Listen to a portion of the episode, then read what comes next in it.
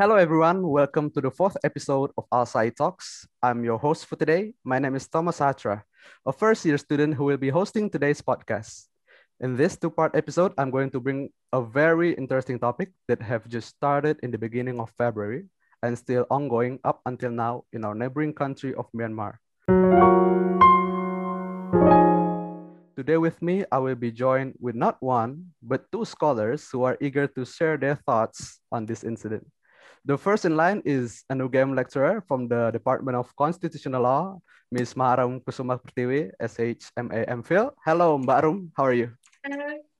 And our very special guest who came all the way from Sydney, Mr. Sai Ong, BAGD, Master of Professional Accounting, a PhD candidate from the University of South Wales, whose research project focuses on the political economy of banking reform in Myanmar and he is also a lawyer in the Supreme Court of New South Wales. Hello, Mr. Sai, how are you? Mm, hello, Thomas. Nice to be here. And thanks for having me. Yeah, thank you, sir. Glad to be having you both in our podcast. Now that we've introduced ourselves, let's just dive right into today's topic, which is going to be about ASEAN Democracy Alert, Myanmar, and the fall of democracy. On the 1st of February 2021, the Burmese military, the Tatmadaw, seized control over the Myanmar ruling party, the National League for Democracy, which has recently had won the general election, capturing President Win Myint and State Counsellor Aung San Suu Kyi in the process, and putting the Commander-in-Chief of Defense Services, Min Aung Hlaing, in control over Myanmar for a year. The people who disagree with the military's action are assembling in a nationwide demonstration called the Civil Disobedience Movement, or CDM for short a demonstration which consists a non-violent peaceful protest that conducted all across the country. Mr. Sai, what kind of state really is Myanmar? Was it truly democratic in the first place? Well, the type of my PhD supervisor, Melissa Crouch, um, she recently she wrote a book called The Constitution of Myanmar. And there she described the state in Myanmar as military state in the sense that the state is heavily militarized and I mean, a lot of people in Indonesia would be, I, am not an expert on Indonesian politics, but I think it will really resonate what the Indonesian experience during the Suharto's New Order, only in the sense that the state building in Myanmar is a very, very incomplete project because the military, uh, known as the Tatmadaw, hasn't, they have been really focusing on their own interest rather than rather than building the state. So even after, so even in 2011, when the last military dictatorship fell and the country had a constitution, there were a lot of um, restrictions on what what type of democracy that we were going to have, you know, and the, the, the type of democracy that the military proposed was what they call a disciplined democracy. So and so essentially what kind of discipline they want is essentially what the military whatever they say is democracy then that's the type of democracy that myanmar can have. So so you have some preconditions set there that the Tatmadaw has to agree with every all the political development in the country and they only have the right to define democracy. So i think that's where all the the all the sticking point about all these political development that has happened in february the first is playing out now.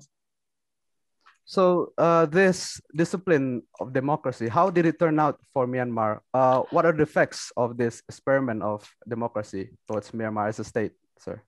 Well, for for the last five years, so the National League for Democracy, led by Aung San Suu Kyi, they were able to. I mean, they tried to be. I mean, um, let, let me put it another way. Uh, well, it, didn't turn out to be very well because, as I said, when you have the military trying to impose, I mean, staying in this meta position of defining all the political activities and the scope of politics in the country, it's very hard for democratic forces to to undertake tasks that the electorates have given them to do. You know, so the military has 25% reserve seat in the parliament and this is both at the federal, I mean, what they call the union level, because the army doesn't like the word federal. So at the union level and at the regional level as well. So it's very entrenched. And in terms of the executive branch as well, so the bureau, the entire bureaucracy is essentially the leftover of the previous military era. So essentially the military also have control over all the administrative institutions. And same for the, judici judi the judiciary, because all the judges were all appointed by the previous military dictatorship. And they this, so even though in 2016 we have a fully democratic government coming into office, they were not able to replace all these administrative, uh, I mean, the executive and judicial institutions, the people leading them. So it has really been a very tricky situation. So, and now as we can see, in one day, all the all these reforms were unravel, I mean, undone overnight. So, so you can really see, I mean, that demo, that experiment with democracy is really, really a very, very big failure. so that means that even though uh, it's democracy that the junta although even though they have been dissolved in 2011 they're still working behind the backs of the government sir. Yes indeed because uh, i mean as i said you know this is a military state because the state itself is very militarized. So even though you might have a new I mean, you might have a new parliament in place, but all the executive institutions, the judicial institutions, are still captured by the military, and the there are this 25% reserved uh, parliamentary seat for the military, which prevents also the constitution amending the constitution because constitutional amendments require over 75% of the parliamentary vote. So really they have really hijacked the entire political development. Yes. Now that we've got to know Myanmar a little bit better, let's get on right to the topic, uh, what's going on in Myanmar. What is the motive of the military regarding these recent actions conducted in the Myanmar capital? I think it's fear. You know, they fear that they will be losing control uh, that they have been having for the past six decades. So Myanmar first had a military junta in 1962. So after, so Myanmar became independent from Britain in 1948. But the institutions were very weak because Myanmar has I mean, like Indonesia, Myanmar is also a very diverse country. So Indonesia is the largest maritime Southeast Asian country, and Myanmar is the largest mainland Southeast Asia country. So there is, has been all these different ethnic, I mean, so Myanmar as a country didn't really exist, I mean, as a political entity until the British developed some form of some political framework to rule the geographic areas that we call Myanmar today. So it was always a very fragile relationship between the the regions and the central government and between and among the different ethnic groups. So what has been happening is the it's the middle so in 1962 so with all the instable and i mean so the post-independent era was rather unstable i mean it was democratic and we were doing rather okay but it was very unstable so at the time the the military saw a power vacuum happening in the country so they took over initially saying it was just they would just be an acting government, but um, then of course you know when dictators come onto power they never leave willingly. So so this guy was called General Ne Win. So he stayed on power until 1988, and he got off without any impunity even after even after he was overthrown. And then the next dictator came called Senior General Than Shwe. He stayed on to power until 2011. Again, he got off without impunity. So then this last um, commander-in-chief, Min Aung Hlaing, he saw that his two predecessors got away without any impunity. So, I mean, with all the impunity, without any punishment. So he said, well, why not, you know? I mean, these two senior uh, commander, previous commander-in-chiefs, they enriched themselves, their children, their family, and they have done remarkably well without any punishment whatsoever, even after transition to a new political system. So then he probably said, well, why not? And you know, even in the last 10 years when we were having this new constitutional order, there were very, I mean, the government of the day had very, very little control over the military's activity, including their economic activities. They had built vast business empire, you know, they have built cell phone companies, they had their own big banks. But I mean, the, the there were, I mean, regulatory institutions have absolutely no control over them. They were doing whatever they want. There were no oversight on the military budget. And so and but suddenly they see that this um, NLD, the this political party, becoming very strong force because uh, and oh, so between 2011 2016, it was uh, the party that was allied with the military that ruled the country called USDP. But because they came into power through a very, very controversial election in 2010. That and that election, I mean, the the whether that election was free and fair has been put into a lot of doubts always. But in 2015, we did have a free and fair election, and this NLD government came into power. And for five years, they have been trying to do a lot of things. Although without success, the, the Myanmar people will willingly choose the, the vast majority of Myanmar people choose NLD over the, this USDP, the party ally with the military. So, and uh, even after, even though the economic, economic performance wasn't as good as expected, the reform was rather slow. But when they, the military saw NLD was still able to win a landslide with an increased margin, they fear that the, the, the civilian government will be coming after them and their business interests. So there's really this fear that they will be losing control that they have been established, they have been holding on over the past six decades. So I think it's really, really a very calculated move to try to maintain their privileges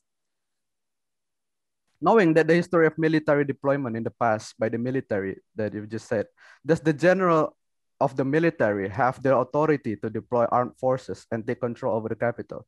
Does the jurisdiction allow it, sir? Well, a lot of things have been written on the coup since February the 1st. I mean, if you ask any lawyer in the world, everyone will say, no, this was very illegal and unconstitutional move. Because if you look at all the beginning of all the events, they claim that the election held in November last year had massive fraud problems. But the thing is, whether massive fraud problems, electoral fraud, constitute a state of emergency is itself is a question. Because the rationale of the military was that because there was this massive fraud in the election, if the new parliament is to take over, it will it is taking power by wrongful forcible means and that constitute a state of emergency. And of course uh, no country i mean i don't think there's any sound legal system would say that if you have electoral fraud that could be investigated through legal mechanism. You can just bypass all these legal mechanism and go straight to a state of emergency and say you know that i'm declaring a state of emergency because there were electoral fraud and uh, what the military has been doing is it's not that they want to investigate the electoral fraud. They are trying to cancel this election, which they have tried to do. So they just declare the, all the election results are void. But the problem is, if you say there are election fraud in each constituency, then you have to investigate at each constituency level and then say whether there's fraud or not. And there are established legal mechanism for that in the constitution that they have written themselves. So that's one i mean that's the beginning of this you know this uh, absurd reasoning of electoral fraud constituting state of emergency. And also they try to install the the one of the vice presidents so myanmar has two vice presidents. So one of them is selected by the military the 25% military parliamentarians. So the they essentially so this military vice president essentially he installed himself as acting president and declare him, declare the state of emergency. Under the, the constitution, the president can declare state of emergency, but this acting president, he wasn't, his appointment is not valid at the first place because they just simply detain the president, so the sitting president, and then say there is a vacancy of office. Well, this is, there is no legal cause that you, if you want to remove a president, you have, you have to go through the impeachment procedure or or if the president is dead, then yes, you will have a legally appointed acting president. Just because you try to detain the, I mean, you un, unlawfully detain the president and then try to install the acting president, that in itself is a very questionable move. And I don't think any legal argument can support that this acting president is in power through lawful means. So that act alone, so because this state of emergency came from this acting president who isn't lawfully appointed, so all the decisions since then actually are all void ab initio. So really, I mean, so they have done, so during this period, they have fired a lot of judges I mean, and they had fired most of the judges appointed by the appointed during the uh, the the last five years during the NLD government, and they got rid of a lot of you know like the central bank. They fired the, the all the deputy minister and a lot of ministers were detained, and the central banks, the you know, and um, all these important institutions, they replace everyone. I mean, if you really say this is a state of emergency, you know, there and the military claims it's only for one year, although they recently changed it to say it could be for two years. I mean, if you say this is a restraint, there is really no reason to fire all the judges and all the central bankers and all the ministers, you know, I mean, so it's really very, I mean, and the procedures, all the legal procedures set out in the constitution were not followed in firing people and also hiring new people because he put in a lot of his own people into position now. So so yes, it's all a very, I mean, so law and legality doesn't really, I mean, so they claim they are doing everything according to the law, but really, I mean, when you see what they are doing, essentially they are just, you know, doing what they please because they think they have the ultimate power to interpret the law as well. So that is very, very questionable. Which means that this undoubtedly a, coup, a coup, yes, sir, because of many jurisdictions that got bypassed without any restraints. Yes, it is. I mean, it is, I mean, it is a coup. There's no doubt about that. Even though they are trying to say it is a state of emergency. Well, if it's a state of emergency, you follow the provision according to the constitution. There are very, very clear provision about state of emergency. But as you can see, none of them were followed. So undoubtedly, this is a coup. You know, there's no other name for it, really. And regarding this election fraud, are there any legitimate proofs or investigation brought up by the military? And how about the newly accused charge towards Aung San Suu Kyi, uh, like illegally importing walkie-talkie and having been bribed for $600,000 worth of money and gold by the former chief minister of Yangon? So on election fraud, so after, so about a month after the election, so the military has been saying, okay, the, what we call the Union Election Commission, the electoral body, they are asking them to investigate the so-called electoral fraud. So what the military did was producing this uh, massive Excel table saying that this is the data that we have. And uh, so they said there's fraud here, but there are some very, very, so initially their claim was that there were 10.4 million suspicious voters on the voting list. But the problem is if you look at this number carefully, I mean, a lot of people actually don't even bother to look at it because there was no suggestion or whatsoever from all the fair, all the observers, and the domestic and international observer, that there was any electoral. I wouldn't say there is no electoral fraud at all, but there is no significant. I mean, there is not a visible level of electoral fraud happening here, and. Uh, but the military somehow claimed there were 10.4 million suspicious voters in the electoral roll. But the argument is very flawed because what they are saying is, let's say they found 10, because in Myanmar, the we have a very, very um, incomplete uh, the, the national reg population regist registration system. So because most of the ID cards are handwritten, sometimes, and the the number, I mean, and it's written with ink. It's not a computer printed yet, our ID card. So it's written with hand and most of the ID card haven't been replaced for 30 or 30 years. So it's all very blurred. So there might be a few instances of people whose ID number were recorded, I mean, perhaps not accurately. But the thing is, let's say if you have one ID, if you have two people having the same ID number, you can only see there's only one fraud because one of them will still be correct. But the military say no, so there are two fraud here. So it's a very, very, so even the, the very basic premise of what is right, I mean, what is correct and not correct has been distorted in this claim. And so other than this 10.4 million so-called suspicious voters, so recently they invented a new theory of there were a lot of extra ballots being printed.